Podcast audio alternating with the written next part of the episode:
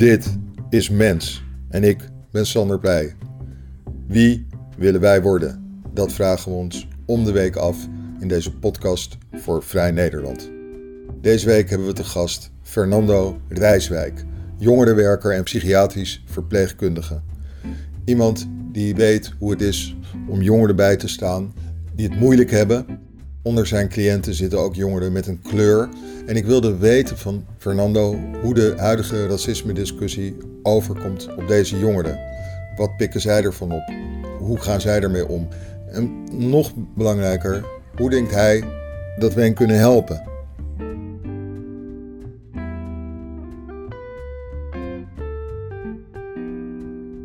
Ik ben heel blij dat vandaag Fernando Rijswijk bij ons is.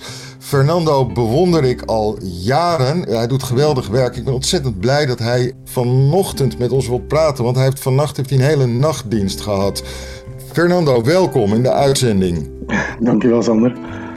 Ben je een beetje moe? Um, een beetje moe. Het is die nachtdienst kan ik wel slapen. Ik ben wel een paar keer wakker gebeld.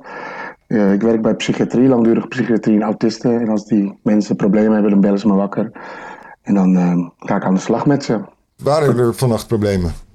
Uh, een paar mensen, twee mensen hadden angststoornis en één is psychotisch. Angststoornis komt natuurlijk al een beetje voor met de coronatijd. Dat ze veel opgesloten zitten, veel slecht nieuws horen. Het is nu wat langer. Dus uh, mensen worden wat angstig en dan ga je even langs, ga je even een praatje met ze houden. Een bakje thee drinken en dan duik ik weer in bed in en dan belt de volgende weer. Soms zijn er ook nachten dat er niks gebeurt, dan kan ik gewoon weer uh, gewoon de hele nacht doorslapen. Maar vannacht heb je dus uh, een paar keer moeten opstaan? Drie keer, ja. Drie keer. Jeetje. Dus jij werkt bij een psychiatrische instelling. Je werkt ook, weet ik, bij een organisatie die uh, jongeren die het moeilijk hebben gehad uh, herintegreert door ze rugby te leren en te laten spelen. En volgens ja. mij is er nog een instelling waar je werkt. Klopt dat? Ja, de, van de, uh, met die rugby is de harde leerschool. Er zijn langdurige werklozen die eigenlijk geen uitzicht meer op een baan hebben. En die krijgen dan acht weken lang rugby. En smiddags een programma, een sociaal programma. Een programma om sterker te worden, sterker in je benen te staan. En in combinatie met rugby. Zodat ze als ze het programma hebben afgerond een baan aangeboden krijgen. En weer uh, een soort start krijgen, zeg maar, om, om door te gaan. Oké, okay. um, de, de derde instelling waar je werkt? Dat is Family Supporters. In Amersfoort werk ik. Dat is een extra thuis, heet dat. En er komen kinderen die uh, erg moeilijke situatie hebben thuis en, het, uh, en de ouders het bijna niet aan kunnen, komen die kinderen na schooltijd bij ons. Vier of vijf of drie dagen. Uh, ze blijven ook eten. We ontlasten de ouders. De kinderen krijgen therapie. De kinderen worden behandeld. Maar ook gelijk het gezin krijgt coaching, eventueel therapie. Zodat we dingen kunnen behandelen. Zodat het kind eventueel niet uit huis hoeft geplaatst te worden. Dit zijn okay. kinderen van 6 tot 12 jaar oud. Laten we direct naar de, de, de point komen. De afgelopen drie weken, uh, de protesten van de Black Lives Matter. Merk jij daar een weerslag van bij jongeren die zelf uh, gediscrimineerd worden? Um, ja. Het is heb niet, je er, zijn er uh, gesprekken over geweest? Nou, ik heb wel gesprekken over gehad. Ik had toevallig gisteren nog met, die, met een groep kinderen over op het werk. We beginnen altijd de dag met een dag op start. En uh, soms spreken we dan thema's hoe de kinderen in hun vel zitten. Nou, gisteren gingen we dan over, daarover hebben, over racisme, discriminatie, wat er gebeurd was in Amerika. Je moet voorstellen, het zijn kinderen van uh, 6 tot 12 jaar. En er waren negen kinderen. Dus ik ging een rondje doen bij de kinderen. En zei ik van, heb je wel eens uh, zoiets meegemaakt in je leven? En er was één jongetje, die komt van geadopteerde ouders uit Zuid-Amerika een jochie van Curaçao en een meisje. Haar vader komt uit Oeganda. Uh, de twee jongens zijn zeven, de meisje is tien jaar. En die ging een rondje doen van, ben je wel eens, uh, heb je wel eens meegemaakt? De blanke kinderen zeiden nee. Eén, dik, jongetje die wat dikker is, zei ze, bij mij noemen ze wel eens dikker. En bij de kinderen die dus een kleurtje hadden, zeiden ze ja. Toen ben ik uh, teruggegaan weer naar de eerste. Dat was een jongetje uit Zuid-Amerika. Zeven jaar. En ik vroeg aan hem, wat doet het met jou? Wat zeggen ze tegen jou? Hij zei, ja, ze noemen me bruine. Ik zeg, wat doet dat met je? Ze zeiden, ja, dat vind ik heel vervelend dat het gebeurt. Toen vroeg ik, wat voel, wat voel je dan? En toen zeiden, ja, dan voel ik net of ik er niet mag zijn. Ik wil dan ook weg. Ik ben niemand. En ik zag mijn collega's ook echt kijken, oh, dit doet echt pijn. Het was echt zo, maar het jochje zo diep, zeg maar. En eigenlijk was hij de hele dag ook uh, emotioneler, zeg maar. En hij zat gewoon moeilijker in zijn vel. Hij zat ook strijden. En s'avonds rond eten, het zei een jongetje, hij morste, zei een jongetje, ah, dat is echt vies. Toen schoot hij in het huilen, huilen, was het niet meer te troosten, niet meer te troosten, grote tranen. Het was echt wel een stoer jochie altijd klimmen, rennen, spelen, vechten, stoeien. Uh, het is echt een Zuid-Amerikaantje met testosteron, zeg maar. En uh, toen later vertelde hij uh, dat, ja, dat jochie zei iets vervelends. En toen hebben we dat aan de ouders verteld, dat hij zo moest huilen, zei die vader, heb ik nog nooit meegemaakt. Nou, toen was het eigenlijk al, voor mij was het duidelijk dat deze jongen, dat hij zei van, ja, ik ben niemand, ik mag niet zijn.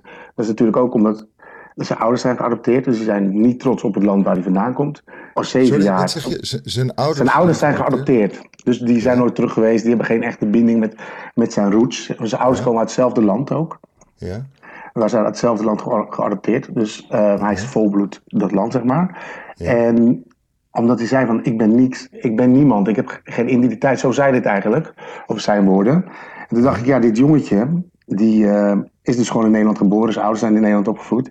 Dit jongetje en zijn ouders zijn niet trots op waar hij vandaan komt. Weet echt niet meer wat hij is, zeg maar. Als mensen zeggen tegen Bruinen. Want als iemand zegt Bruinen tegen je, eigenlijk zeg je van, je, bent niet, je hoort niet bij hier, bij ons, zeg maar.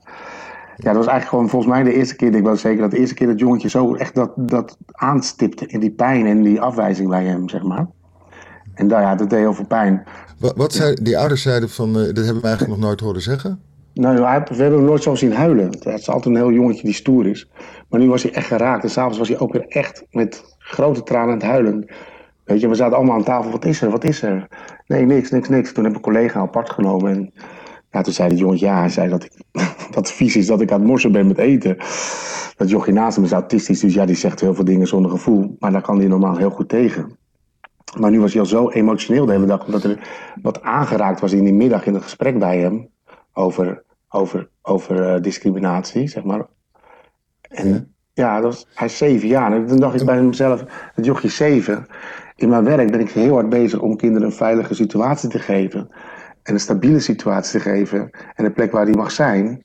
Maar kennelijk is het op school niet, op straat niet, mag hij er niet zijn. En hij weet ook niet waar zijn roots echt vandaan komen. Dat hij die veiligheid niet heeft op straat, zeg maar. En eigenlijk is het gewoon een jochie van zeven die eigenlijk altijd rennen, vliegen, aan het lachen is. Dat hij toch op, op, op zijn zeven al dit moet dragen, zeg maar. En ik denk dat veel mensen daar niet zo van bewust zijn. Het raakt ons allemaal wat, wat, hoe diep het bij hem zat, zeg maar. Sta je dan helemaal machteloos of heb je, kan je iets doen op zo'n moment voor zo'n Op het moment dat je dan in zo'n groep zit, kan je eigenlijk weinig doen. Hè? Uh, ten eerste, kinderen zijn druk en je bent bezig. Uh, eigenlijk weet je wel als, als werker dat het in hem zit. En ik kom zelf uit Brazilië. Dus ik heb wel vaak met hem gezegd, ik kom uit Brazilië, ik heb de kaart gepakt, dit is Colombia. En dan vertel ik altijd mooie dingen over Colombia. Dat daar zijn roots vandaan zitten, dat de Indianen vandaan komen. Dat ze ook goed kunnen voetballen. En dat ze een mooie cultuur hebben en zo. En ook wel zat hij, zat hij de jongens, hey, weet je, jij bent echt wel gespierd. Dus dat komt omdat je meer testosteron hebt. Dat hebben Zuid-Amerikanen gewoon meer. Weet je. Ze ook, ik ben meer een man. Ja, ik ben meer, je bent weer een man. En hij is heel erg op zoek naar die identiteit. Dus ik was er al mee bezig. Maar het viel me een beetje rauw op mijn dat het zo diep die pijn al zat bij een jochie van zeven, zeg maar. Ja, ja. En heb je het gevoel dat zo'n jongetje iets meekrijgt van de strijd die er nu is, van de, de, de demonstraties voor de Black Lives Matter. Nou, ze kijken natuurlijk allemaal jeugdjournaal en uh, er wordt allemaal besproken. Het feit natuurlijk is dat het, dat het nu meer bespreekbaar is, is wordt je ook wel geconfronteerd er meer mee. En ook die kinderen. Ik op straat ook. Als ik nu met iemand praat, gaat het bijna altijd daarover.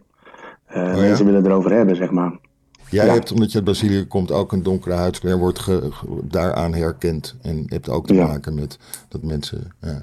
Dus herken je dan ook wat van dat jongetje. wat je zelf toen jij zeven was had? Ja. Ja, ja, ja, ja. Ja, ja. ja ik ben zelf dan ook geadopteerd. Dus ik kom natuurlijk uit een hele witte, witte wereld.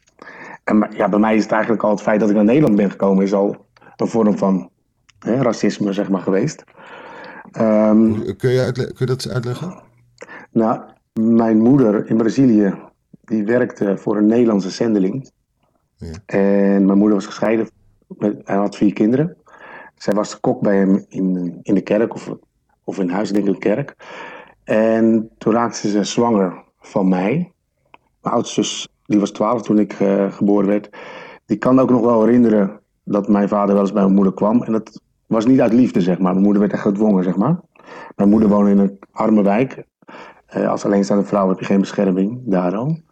Dus ja, de kans is groot dat mijn moeder ook wel gewoon wel indirect verkracht is. Waardoor ik ben geboren. Uh, maar mijn moeder was dus zwanger. En toen zei die Nederlandse zendeling van... een buitenechtelijk kind wil ik niet hebben in de kerk. Dat is een zonde. Dus je moet het kind adopteren. Toen heeft mijn moeder gezegd, nou dat wil ik niet. Toen heeft de zendeling gezegd, als je dat niet doet, dan ben je baan kwijt. Geen baan in Brazilië is geen geld. En ik pak je andere kinderen ook af. Dus dat is de reden waarom ik naar Nederland ben gekomen. Later heeft mijn moeder nog een kindje gekregen. En ze heeft mijn nichtje, dus mijn nichtje, die heeft zij geadopteerd. En dat is eigenlijk dus ook mijn zus. Er is geen reden dat ik naar Nederland moest komen. Maar eh, een, een zendeling die, die, die vindt dat zijn idee goed is, heeft al bepaald dat ik naar Nederland moest komen. Ja. Um, ja. Uh, verder kom ik natuurlijk in, een, in Nederland in een Nederlands gezin. Ik had een broer uit Korea, zusje uit Indonesië en twee pleegbroers, één pleegzus uit een kinderhuis in Nederland. En bij ons thuis was het fijn. Ik had hele lieve ouders. Echt. Het was een warm, warm gezin. Alleen op het moment dat ik naar buiten ga, was dat niet zo. Dan zeiden mensen, je moet blij zijn dat je, dat je geadopteerd bent. Uh, ik weet natuurlijk, er waren toen helemaal geen donkere kinderen. Uh, werd ik best wel veel uitgescholden en gediscrimineerd voor mijn kleurtje. Ook Waar volwassen mensen vooral. In Al van der Waar Rijn. woonden jullie? Al van de... Al van der Rijn, gewoon Phoenixwijkje. Maar als ik toen thuis kwam, zei ik, mam, dat dit, dit zijn gebeurd. Mijn mama begreep niet dat mensen niet hetzelfde gevoel voor mij hadden als zij voor mij had. Dus ik kon ook niet met dat de verhaal thuiskomen, zeg maar. Want dat was niet zo. Dat beelde ik me in. Zo werd het gezegd, zeg maar. Dus ja, ik snap die jongen, dat jochie ook wel. Die kan ook eigenlijk niet thuiskomen met... Ja, ik kan wel vertellen, maar niet met wie ben ik. Ik kon ook niet. Het enige wat ik hoorde was Brazilië. Was, dan was de EO weer een of andere actie gehaald. En dan eh, geld gezameld voor Brazilië. En dan was het uh, lijmsnuivertjes werden dan gefilmd. Dus ik had, maar- ik had maar geluk dat ik hier was, zeg maar. Ja. En dat is, met, dat is voor mij, Ja. als kind was dat dan Brazilië, zeg maar. En ik moest dankbaar zijn voor dat ik hier was, zeg maar. Dat is, maar in ieder geval, dat ben ik. Je moest, jij, Ehm. moest, jij moest dankbaar zijn dat je, de, dat je hier was en door de, de mensen werd geadopteerd hier. Dat Dat- gevoel werd jou opgelegd. Ja, niet door mijn ouders hoor, maar wel door de, de buitenwereld. Ik ben heel erg benieuwd naar hoe je deze ervaring, of je daardoor op de een of andere manier tot ideeën komt over.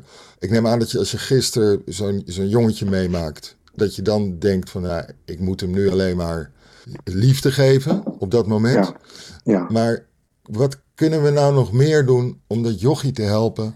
Wat kunnen we nou doen? Het enige wat me opviel gisteren, was dat het jochie echt geraakt was. En die andere twee ook. Andere kinderen ook. Bijvoorbeeld, ja, ik- dat Antilliaanse jochie zei, het doet pijn. Ik zeg, waar voel je die pijn? In mijn hart, weet je wel. Als een jochie van zeven dat zegt, is het duidelijk. Ja. En dan was ik bij het meisje. Ik zeg, wil jij er wat over zeggen? Nee, ik wil er niks over zeggen, want dan moet ik huilen. Ach, op- er, zit, ja, er zit heel veel emotie en verdriet bij die drie, drie kinderen.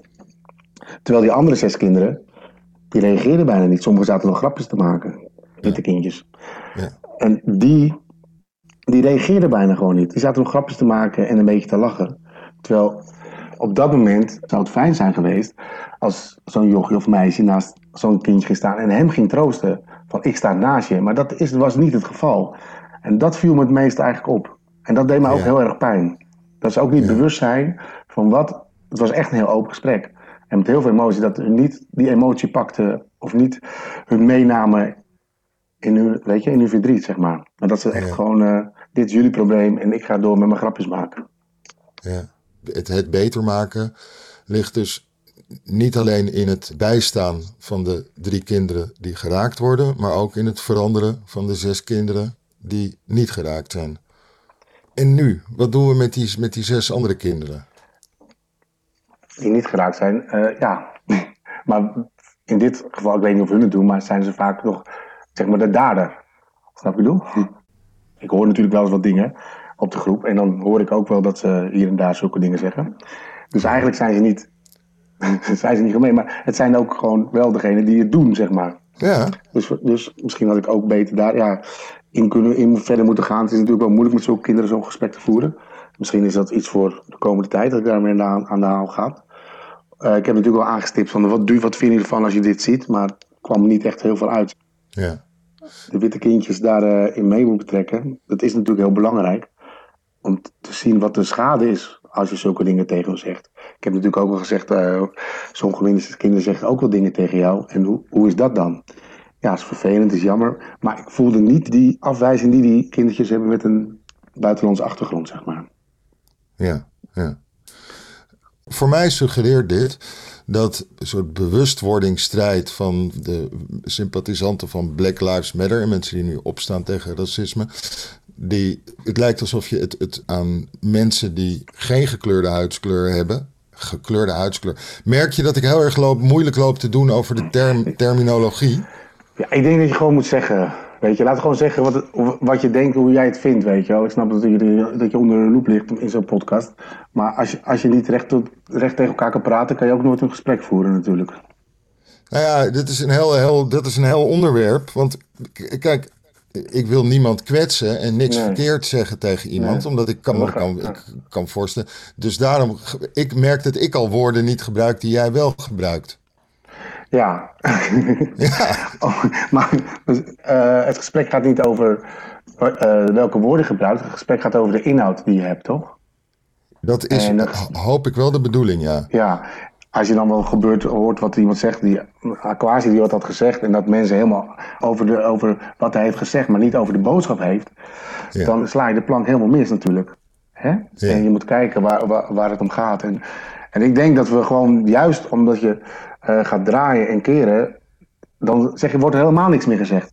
Is het soms niet ook goed dat iemand juist wel, wat bij de aquatie had je wel meteen door van ja, die, die man is wel echt boos en, en hij is wel echt geraakt. En maar dat, dat, is de eerste keer dat het op televisie is. Het is de eerste keer in televisie dat iemand, iemand, iemand laat zien dat, hij, dat hij was er zat, hij was klaar ermee, weet je wel. Ja. En ik, ik, vind, ik loop op straat, en komen, de mensen komen witte mensen komen naar me toe en die zeggen... Ja, wat vind je nou van die discussie? Ik ben er wel een beetje klaar mee, weet je. We zijn potverdorie drie weken bezig. Ik heb het 46 jaar elke dag, weet je wel. En hun hebben gewoon drie weken en zeggen... Ik ben er een beetje klaar mee, weet je wel. Het is niet iets wat je aan de pakt en weer op, op, aan de kant zet. Als we het over, echt over wat zwart en wit hebben... is de wittegene wel de dader, hè. Wij zijn de slachtoffer. Ik, ik, ik doe er niet, weet je wel. Ja. Snap ik bedoel? Dus ja. hun kunnen zeggen, ja, ik doe het wel of ik doe het niet. Ik ben een slachtoffer, zeg maar. Dus ik kan het niet aan de kant zetten. Als mensen zeggen, ja, ik ben er wel even klaar mee. dan weet je echt niet waar het over gaat, denk ik. Ja. Ik vind ook nog het ergste, vind ik bij dat mensen zeggen, ja, ik doe het toch niet. Ik doe het toch niet, ik ben niet zo. En uh, nou, ik, uh, we kennen elkaar van de rugby. Ik speel rugby, ik ben rugbytrainer. Ja. En de club waar ik speel nu, daar is een jongen, die loopt altijd zwarte pietengrappen te maken of andere discriminerende opmerkingen. Uh, Zo'n jongen aan mijn team zegt, ik doe, doe, het er niet. Ik zeg, elke keer dat hij het doet en je staat erbij, ik heb heel vaak gewoon gezegd, maar jullie zeggen er niks van, ben je wel medeplichtig. Hè? Dit is de reden, als, waarom zwarte, wij zeggen genoeg, genoeg Zwarte Piet, weet je wel. Ik hoor 46 jaar Zwarte Pieten grappen over mij. Maar als iedereen zegt tegen, als iemand een Zwarte Pieten grap maakt en zegt, hé, hey, je moet ermee ophouden. Ja. Hè, dan was, was die discussie niet eens geweest, zeg maar. Snap je, dus, snap ik wat ik zeggen? Ja, en ik begrijp je bent, medeplichtig, je bent medeplichtig als je erbij staat. Ik uh, reed pas... Uh, ik, ik rijd altijd met de hond op de fiets. En uh, toen belde de politie. De politie belde en zegt... klopt het dat hij daar fietst? Ja, klopt dat hij daar fietst. Hij zegt, weet je dat hij daar niet mag? Ik zeg, ik weet dat hij daar niet mag. Hij zegt, waarom doe je dan? Ik zeg, ja, dat is, dat is gewoon een woonwijk en dan fietst iedereen. Ik zeg, dus er is over, over mij geklaagd en gebeld. Hij zegt, ja, dat is over jou gebeld. Ik zeg, zijn er nog meer mensen waarover gebeld is? Hij zegt, nee, alleen over jou. Ik zeg, maar dan rijden ongeveer 100 mensen per dag daar Hè, al die jaren. En ik zeg, weet erom eens goed wie je gebeld hebt. Dat zijn die mensen. En pas hield hij hem ook aan. Begon hij ook al te mopperen dat ik aan het fietsen was. En toen komt zijn vrouw naar buiten en zegt, ja, jullie buitenlanders weten zich niet te gedragen. Uh. toen vertelde ik aan de politie, en toen zei de politie, ja, maar dat is een misdrijf. En toen dacht ik, ja, racisme, discriminatie is een misdrijf. En ik denk dat wij daar niet van bewust zijn. Wat het in de wet is en wat het, hè, hoe zwaar het gestraft kan worden. Ja. Um, ik, moet, ik, moet zeggen, ik heb ook nog eens een keer meegemaakt in, uh, dat er twee, gebeurt wel eens vaker, uh, vrouwen tegen mij begonnen te schelden, te mopperen in de buurt. Dat ik terug moest naar mijn eigen land, dat ik een uitkering trekker was en weet ik het allemaal. Jo en mijn zoon stond ernaast. Gelukkig kwam er toen op een buurman langs rijden. Ik zeg, heb je het gehoord? Hij zei, ja, ik heb het gehoord. Ik zeg, morgen doe ik aangifte. Dus ik heb de politie gebeld. Ik zeg, nou, dit is het geval. Hij zegt, doe, maak maar een melding. Ik zeg, nee, ik wil aangifte doen. Hij heeft drie of vier gezegd, nee, doe maar een melding. Ik zeg, nee, ik wil aangifte doen, ik kom nu langs. Dus ik heb aangifte gedaan. Ja. En uh, nou, maanden later niks van gehoord nog. Echt, echt heel triest. Ik ben uh, naar het gemeentehuis gegaan. Ik heb naar het bureau voor uh, discriminatie meegegaan. En ik heb gezegd, nou dit is het geval. En ik heb getuigen. En ze doen er niks mee. Later kreeg ik nog een brief van de officier van justitie dat hij in behandeling was genomen. Ja. Maar het, is, het zegt al wat dat als ik kom met een andere soort vorm van misdrijf, dat er gelijk, uh, hè, gelijk aan, aan, wordt gepakt. En dit dan niet, zeg maar. Dat zegt ook wat over hoe er naar gekeken wordt. Alsof racisme onderaan de lijst staat. Ja. ja. En je zoon, hoe oud is die? Die is 17. En die, staat daar dan, die stond ernaast? Ja, die was toen zes. Die was toen zes. En, en dat is toch heel, heel naar voor een jongetje van zes? Ja, omdat ik, als je, als je weet hoe je zes was, hoe je naar je vader keek. Dat is de man ja. waar je op trots bent. Dat is de man op wie je wil lijken. En die wordt door twee da oude dames gewoon met de vloer gelijk gemaakt. Omdat hij een kleurtje heeft. Ja. Oh Ja. man. Ja. Wat ik net van je leer is dat. Ik werd een beetje gek van de, dat, dat de, in de afgelopen paar jaar racisme op het niveau werd aangepakt van de Zwarte Piet discussie. Ja. Elke keer, als, eh, elke keer ging het weer over Zwarte Piet. En dan dacht ik van ja, maar er zijn hele andere dingen zijn er allemaal aan de hand. Het is, dat Zwarte Piet is alleen maar een symbool. En, en er is een heel ander racisme aan de gang waar we eh, het dan helemaal niet over hebben. Uh, de, in, in maart en mei is er ook racisme. Alleen jij noemt wel net Zwarte Piet. Dus als symbool is het misschien toch wel ongelooflijk belangrijk dat dat niet goed genoeg is aangepakt. Het feit dat mensen Zwarte Pieten grappen maken. Ik was, uh, weet ik het, een half jaar geleden of zo, weet ik voor dit was. Toen belde iemand, heb je zin om vanavond naar het Piratenfestijn te gaan? Nou, nooit geweest, weet je, Frans Bauer, uh, Jeroen van der Boom, weet ik het allemaal, iedereen trot op. Denk, dat is leuk. Sorry, ik, kun je helpen zeggen wat, ik, oh, wat, wat een Piratenfestijn precies is? Dat is, ja, dan komen de Hollandse zangers, zeg maar. Ja. Weet je wel, dus, uh, ja, weet ik. Uh, de toppers en zo. Nee, niet de toppers. Het is echt, echt Frans Brouwer, Jannes. Ik zou, Jannes is de koning van het Piratenfestijn. Is al tien jaar de koning. Uh, Jeroen van der Boom was er. BZN trad op. Jan Smit was er volgens mij. Al, gewoon het hele rijtje Nederlandse zangers, zeg maar. Richting de slager, zeg maar.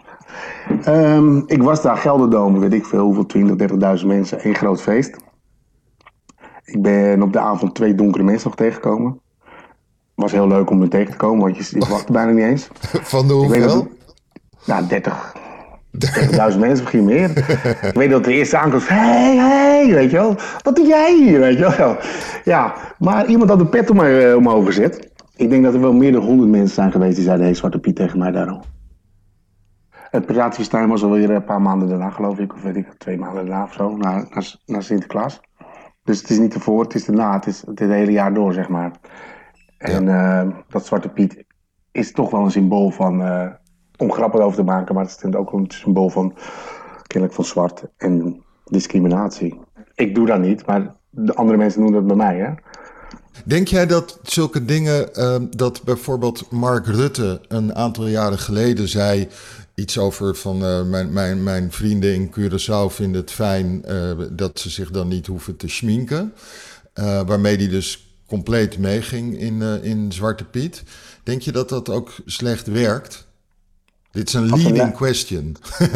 ja, dat je zulke dingen wel moet zeggen als leider en sommige dingen echt niet doet, omdat je diplomatisch moet wezen zeg maar, voor het land en over naar het buitenland, dan ben je wel met twee maten aan het meten, denk ik.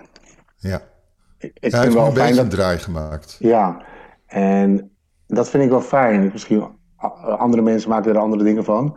Maar ik denk dat het feit dat hij dat zegt, dat hij anders is gaan denken, betekent dat je als mens uh, wil kijken naar jezelf en wil ontwikkelen.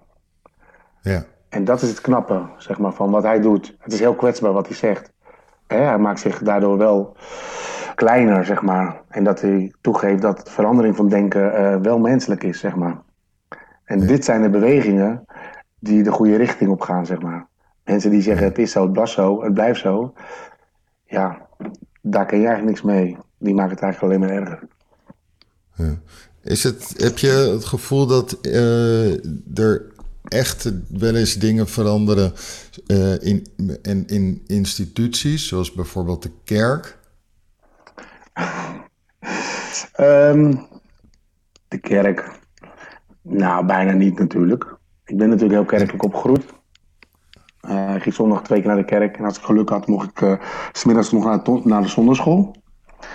Ik weet dat ik vroeger uh, hadden we voor onze kerk hadden ze zendelingen in Papua Nieuw-Guinea.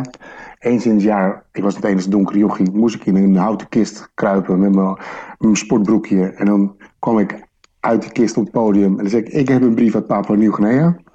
Ik weet niet of mensen een beetje Topo kennen, maar Brazilië, Papua Nieuw-Guinea is niet heel dicht bij elkaar. Hè? Uh, maar dat geeft wel aan hoe dat, hoe dat, hoe dat was, weet je wel, voor in de kerk, hoe, hoe er naar gekeken werd. Uh, het was zelfs zo dat op een feest van de zonderschool kwamen ook zo'n, denk 200, 300 mensen waren daar ook. En dan moest elke zonderschool een toneelstukje doen. Mijn oom en tante waren mijn juffrouw op de zonderschool. En in de Bijbel staat een tekst waren je zo zwonden zo zwart als roet of zwart als weet ik van smaragd. Ik was, ik was zo wit als sneeuw, staat er zo'n tekst, zoiets. Ja. En ik had dan de tekst, uh, ja, um, ik ben in bad geweest, ik heb de beste zeep gewassen, maar ik ben nog steeds niet wit. Wow. Weet je wel, ja. Wow. Was, toen was ik ook 7, 8 jaar, dan sta je daar. Hè? En je doet dat omdat het verwacht wordt van je. Maar het is natuurlijk absolute waanzin dat, dat dat gewoon gedaan werd daar in de kerk in een kerk waar, waar, waar we liedjes zongen van geel of bruin of blank of zwart, vinden plaats in Jezus hart, weet je wel. was discriminatie en racisme vol aanwezig. We konden heel goed uh, geld ophalen voor mensen in arme landen. Voor, nou ja, voor Brazilië, waar ik vandaan kom, voor die Papua Nieuw-Guinea. Maar ze moesten niet te veel naar de kerk komen, zeg maar. Dan ging het niet goed. We hebben het over twee vormen van, van, van racisme. Hè? Dus wanneer je gewoon echt iemand overduidelijk racistisch is en uh, tegen jou begint over buitenlanders. Mm. En zoals in de kerk, wanneer mensen zelf denken dat ze niet racistisch zijn, maar ondertussen wel heel erg racistisch handelen. Ja. Nou, zo erover pratend, ik dacht altijd dat we meer moeten letten op die, op die echte racisten en die heel erg aanpakken. Maar door hoe jij nu, nu met mij praat, begin ik een beetje te bedenken van ja, nee, je moet juist dat onbewuste racisme ook aanpakken. Of heb ik het mis en is dat onbewuste racisme eigenlijk niet alleen maar onbewust, maar toch ook een beetje, toch eigenlijk ook een beetje xenofobie? Ja. Nou, ik, kan vol, ik, weet niet, ik weet niet of het een goed voorbeeld is, maar 30 jaar geleden, toen ik 16 was, ging ik naar Amsterdam. En er was een demonstratie tegen racisme. En toen ging het vooral tegen de skinheads. En er was iemand die ging op liedjes zingen, schop de skinheads, kick de skinheads, zo was een liedje of zo. En toen was dat het racisme. En nu is het dezelfde demonstratie, maar dan gaat het over, uh, over iedereen, zeg maar. En dat is dan veranderd in 30 jaar. En eigenlijk is dat ook een hele kleine verandering natuurlijk. Ja, ik, ja, ik begrijp het. Ik uh, was de afgelopen tijd was ik af en toe geïrriteerd doordat er werd gezegd van uh, ja, witte mensen moeten zich gaan verdiepen ook in wat er is gebeurd vroeger. En ik dacht van ja, ik heb Anton de Kom over de slavernij gelezen en me daar, daar helemaal in verdiept. Maar ik begin nu een beetje te, door jou te denken van ja, ik moet niet zo kinderachtig doen. Die bewustwording onder mensen die denken dat ze niet racistisch zijn, is ook ongelooflijk belangrijk. Dat, Klopt dat? dat? Is, ja, dat is zo. Jij zegt net, we moeten kijken naar ons handelen. Dan ga je bijna weer Nederlands doen. Kijken, kijken, niet kopen. Weet je, wat je zegt, je moet handelen. Toch? Je moet handelen naar, weet je wel, je moet, je moet het doen. We kunnen praten, kunnen doen, maar het, het is in het dagelijks leven. Uh, er gaan mensen, ik noem geen namen, maar die willen naar die demonstratie in die steden. Hè, en die willen staan. En daar dan staan is heel veilig, is heel makkelijk, want je staat met allemaal dezelfde hè, ja. gezinten. Maar sta maar eens op tegen je vader en moeder of tegen je broer en zus die discriminerende dingen zeggen. Dan, ben je, dan kun je zeggen, hé, hey, dit kan je niet zeggen. Weet je En dan ben, je, dan ben je echt iets aan het doen, zeg maar. Wat ik zeg op zo'n rugbyclub, een andere rugbyclub, waar ik kom, ik sprak net nog een man buiten van de van rugbyclub in Amersfoort. dat is een man die maakt echt veel racistische grappen. Ja. En uh, hij doet het al jaren. En het feit dat hij jaren doet, is omdat er niemand wat van zegt. Ja. Weet je wel? En iedereen lacht maar mee. Want als niemand meer gaat lachen, dan stopt hij ook met die grappen.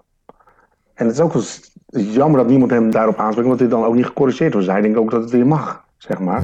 Maar ook weer die mensen die staan erbij. En als, dan, als je dan in durft te grijpen, dan sta je voor iets. Hey, maar het is natuurlijk mooi dat je naar Amsterdam gaat of naar Den Haag of naar Rotterdam en gaat staan en met je bordje omhoog, prima. Maar weet je, doe het ook gewoon op momenten dat je er moet staan. Durf dan uit te stappen en zeg: Jij gaat te ver, dit kan niet. Dat gebeurt gewoon niet. En racisme of discriminatie is gewoon wat ik laat zien ook de hele dag door. Wat ik zeg, als mensen zeggen: Ik ben er klaar mee. Voor mij is het elke dag. Ik ging gisteravond naar mijn werk daar ook. En dan voor uren tevoren werd ik gebeld. Zegt ze, uh, die en die puntje, puntje, puntje. Die heeft met de psychiater gesproken. En ze hebben vroeger een negatieve voorval gehad met een donkere verpleegkundige. Ze is bang voor jou. En normaal breng ik haar naar bed. Maar of hoe dat nu gaan doen. Ja. Ik zeg, we doen het telefonisch. Dat zal ik laten denken. Maar het was een man die deed. Toch? Ja. Het een man die vervelend is geweest naar haar. Ja. En dat hij een kleurtje heeft is wat anders. Maar de andere mannen mogen er wel heen. Ja. Snap ik bedoel? Ja, en dat ja, Is, en dat is, en dat is ook gewoon, ik zit in, dat is in de gezondheidszorg, dat mensen, mijn collega's, het eigenlijk ook niet voor me opnemen. Zeggen, ho eens even, dit, dit is het aan de hand en hoe gaan we dit oplossen?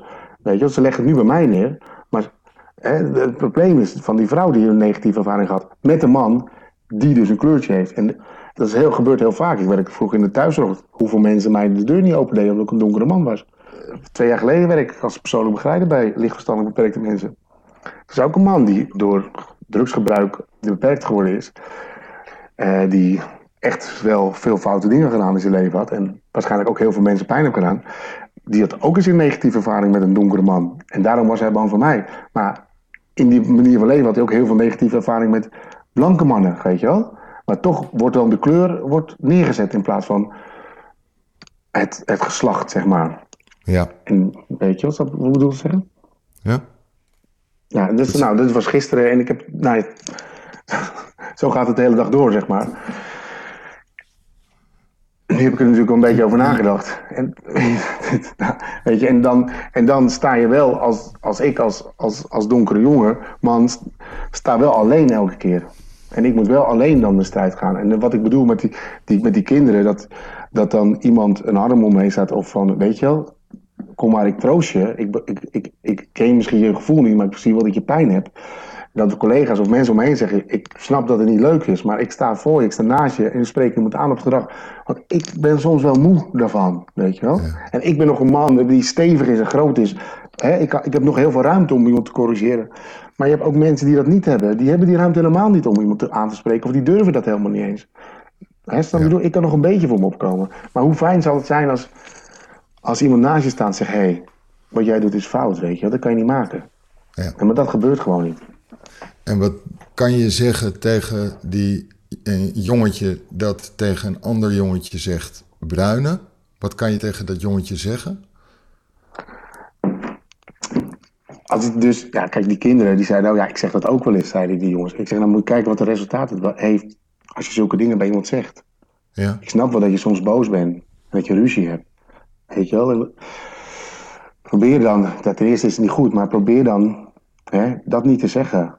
Zeg dan gewoon lul of weet je wel. Maar je mag natuurlijk ook wel een, een uiting hebben op iemand je pijn doet of iets vervelends. Je mag ook echt duidelijke grenzen geven. Is ook helemaal niet verkeerd natuurlijk.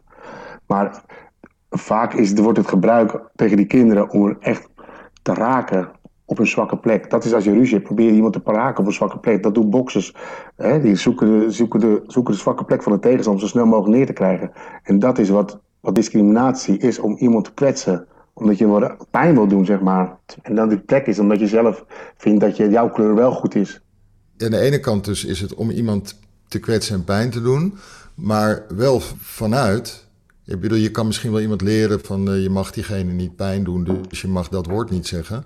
Maar wat nog belangrijker is, is dat, er dus, dat het komt vanuit een al dan niet bewust gevoel van superioriteit, dat helemaal van huis uit meegekregen is waarschijnlijk. Ja, van huis uit.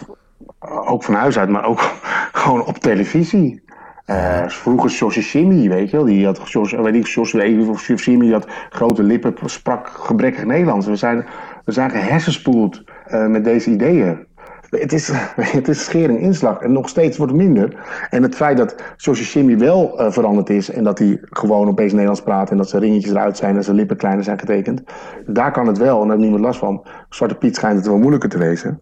Maar het, hè, het is wel stigmatiserend, zeg maar. Ehm, er zijn dan discussies over dat je een film van vroeger nu moet verbieden, omdat we nu zien dat dat racistisch is, bijvoorbeeld.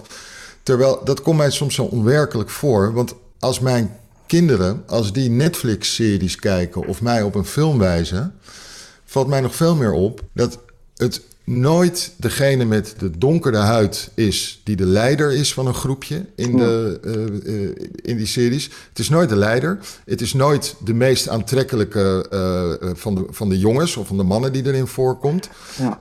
en het is nooit echt de meest wijze. En, ja. Zie je dat ook? Klopt. Ja, helemaal. Dat is gewoon, dus- dat is toch nog, nog veel belangrijker dat er ja. nu dat, dat die kinderen dat niet zien.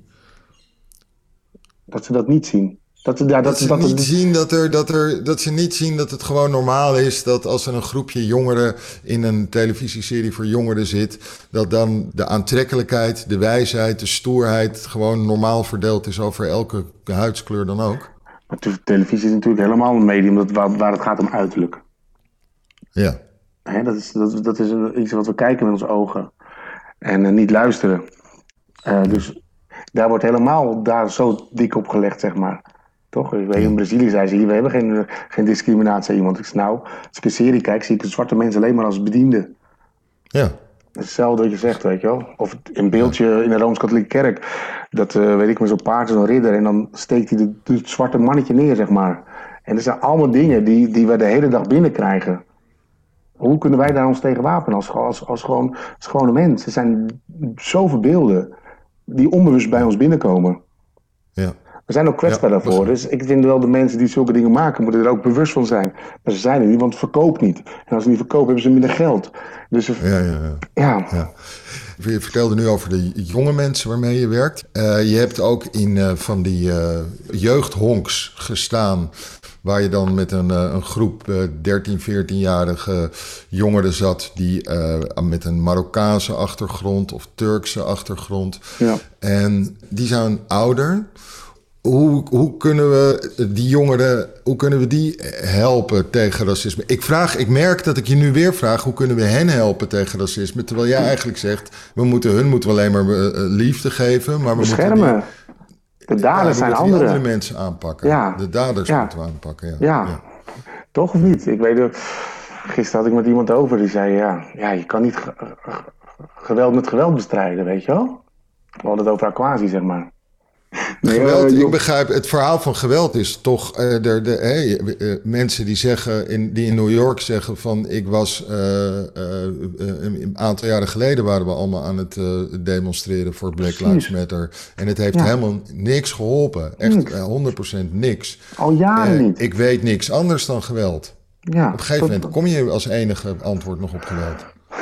Ja, omdat er dan wel geluisterd wordt kennelijk. Want op een normale manier wordt er niet geluisterd.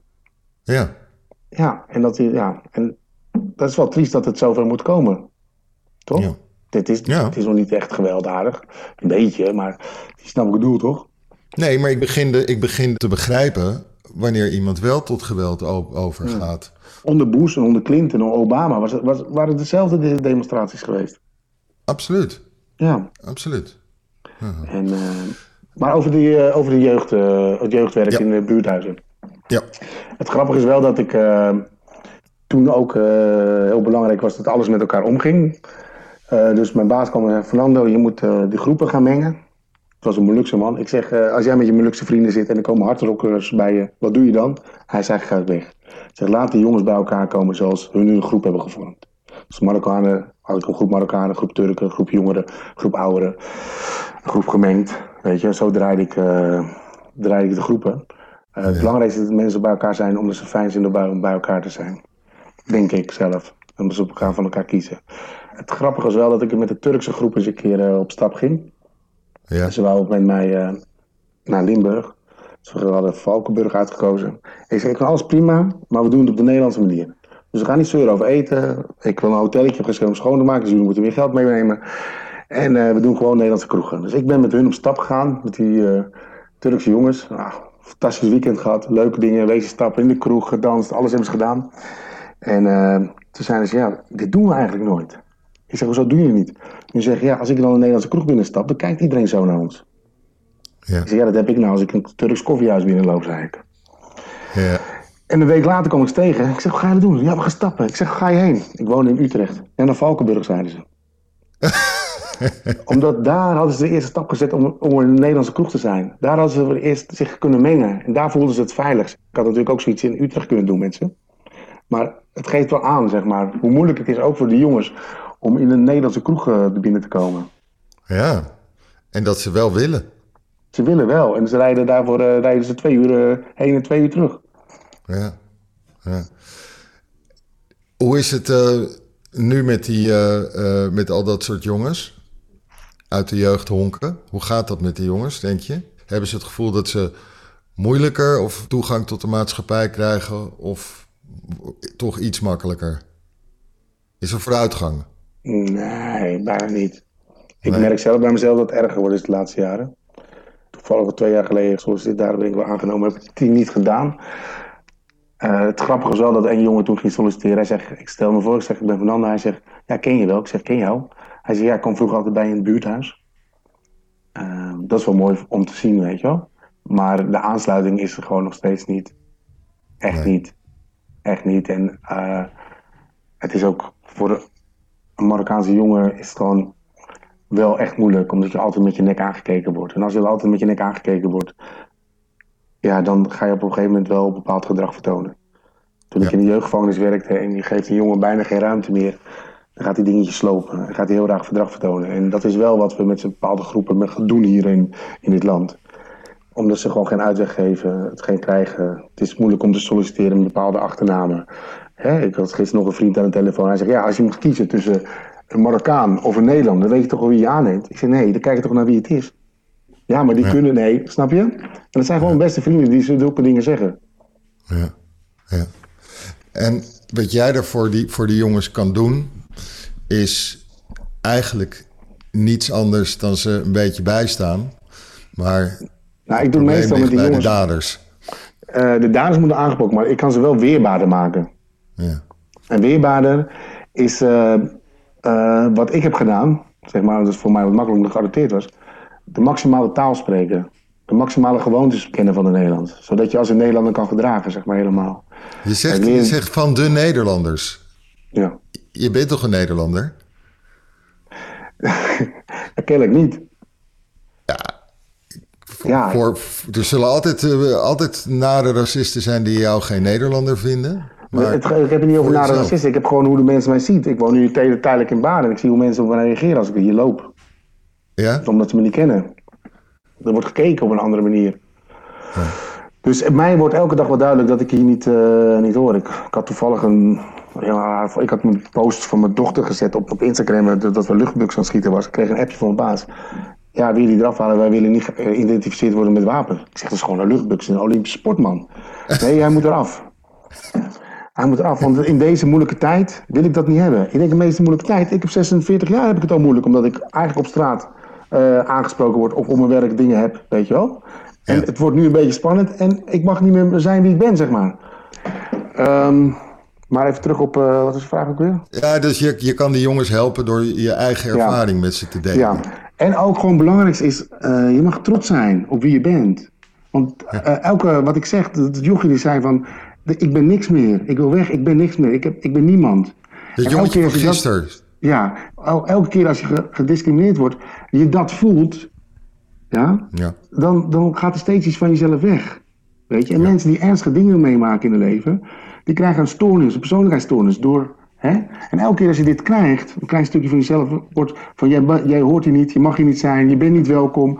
Daar moet ja. je iets tegenover zetten. En dat is dat je er wel welkom bent. En dat je wel mag zijn wie je bent. En dat je wel je cultuurtje mag hebben. En je eten en je gewoontes mag hebben. Ja? Op, ja. Weet je wel? En dat je, dat je, dat je, dat je Iedereen doet tegenwoordig zo'n zo, zo, zo genetisch onderzoekje, weet je, waar kom ik vandaan? En die jongens, dat is belangrijk voor die, dat, dat doen alle mensen. En we hebben programma's van terug naar je stamboom, weet je, wie ben je? En dan moet je die ook juist mogen zijn wie ze zijn. En, en de talenten van, uh, van je land. Die Marokkanen, als ik in Zuid-Spanje ben, wat voor, wat voor mooie dingen ze hebben gemaakt. Wat voor cultuur ze hebben gemaakt, die Marokkanen daar. is niet normaal, weet je wel. Ja. Leer ze dat. Wees trots op je. Hoe ze met taal ook kunnen gaan. Dat is toch fantastisch.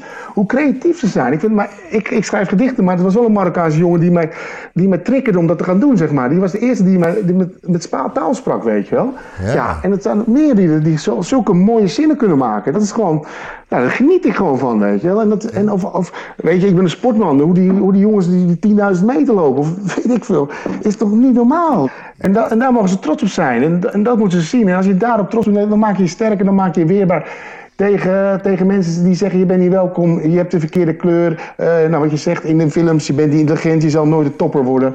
Het wordt ook gereflecteerd in de politiek en in het bedrijfsleven, weet je wel.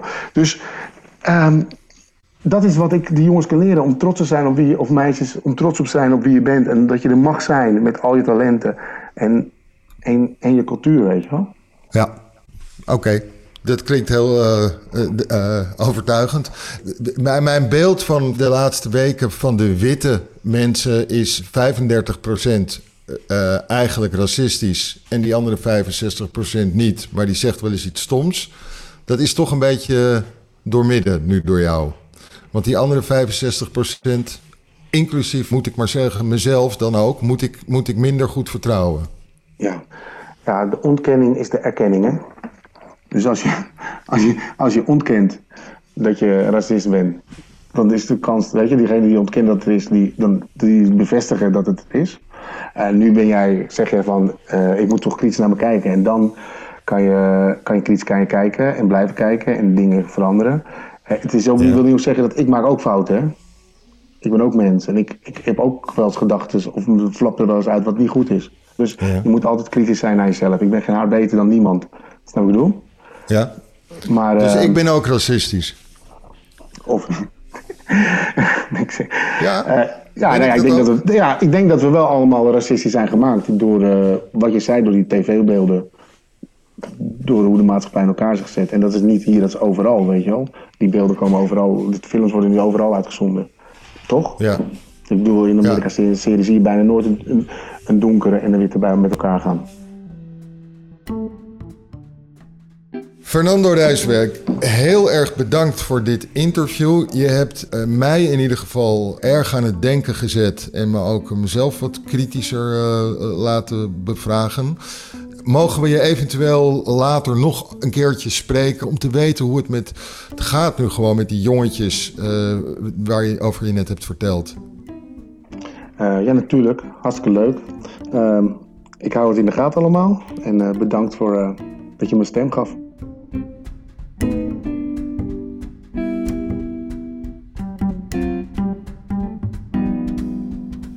Dit was Mens.